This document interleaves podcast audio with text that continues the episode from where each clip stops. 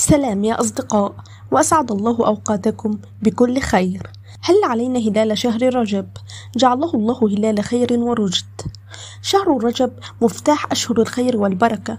قال أبو بكر الوراق شهر رجب شهر للزرع وشعبان شهر السقي للزرع ورمضان شهر حصاد الزرع. فشهر رجب هو شهر الاستعداد لرمضان وليس فيه عبادة خاصة ولكنه من الأشهر الحرم. والأشهر الحرم هي أربعة رجب وذو القعدة وذو الحجة ومحرم. قال تعالى إن عدة الشهور عند الله إثنى عشر شهرا في كتاب الله يوم خلق السماوات والأرض منها أربعة حرم ذلك الدين القيم فلا تظلموا فيهن أنفسكم. ومعنى لا تظلموا فيهن أنفسكم أي بارتكاب الذنوب والمعاصي والآثام. فلا تشاهد المحرمات ولا تسمع الحرام ولا تتكلم بالحرام. وأيضا لا نظلم الآخرين ونتعدى على حقوقهم. فهذا الشهر شهر تعظم فيه السيئات فالأشهر الحرم لها حرمتها. فالسيئة في الأشهر الحرم أعظم من السيئة في الأيام العادية. قال تعالى يا أيها الذين آمنوا لا تحلوا شعائر الله ولا الشهر الحرام. وكذلك الحسنة في الأشهر الحرم أعظم من الحسنة في غيرها من الأزمنة. فلنكثر من الأعمال الصالحة في الأشهر الحرم كالصدقة والصلاة والنوافل كقيام الليل وصيام الأيام البيض وصوم الاثنين والخميس.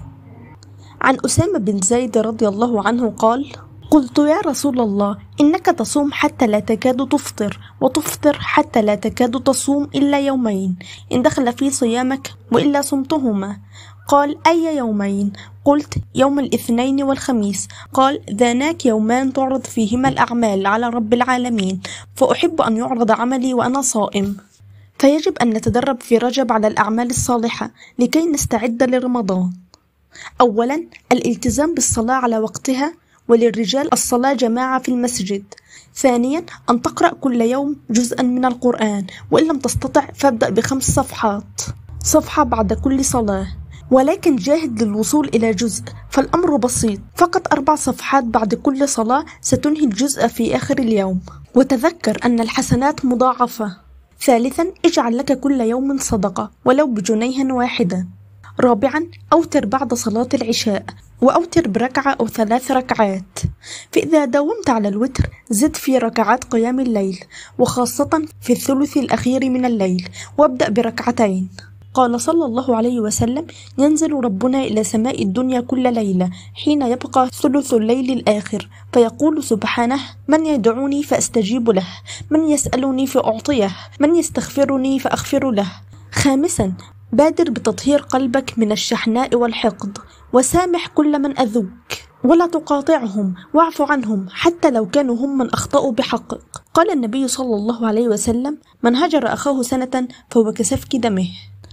وأخيرا التوبة. لا تدخل الشهر الحرام وأنت لم تتوب عن كل ذنب فعلته. وجاهد نفسك على ألا تقع في هذا الذنب مرة أخرى.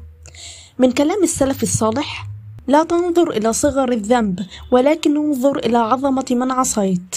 فاستمر على كل هذه الأعمال لمدة شهرين رجب وشعبان حتى تستطيع أن تزيد عليها في رمضان.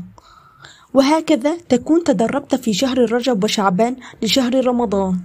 ولن تجد فتور وتعب بإذن الله في رمضان. شكرا لاستماعكم والسلام عليكم.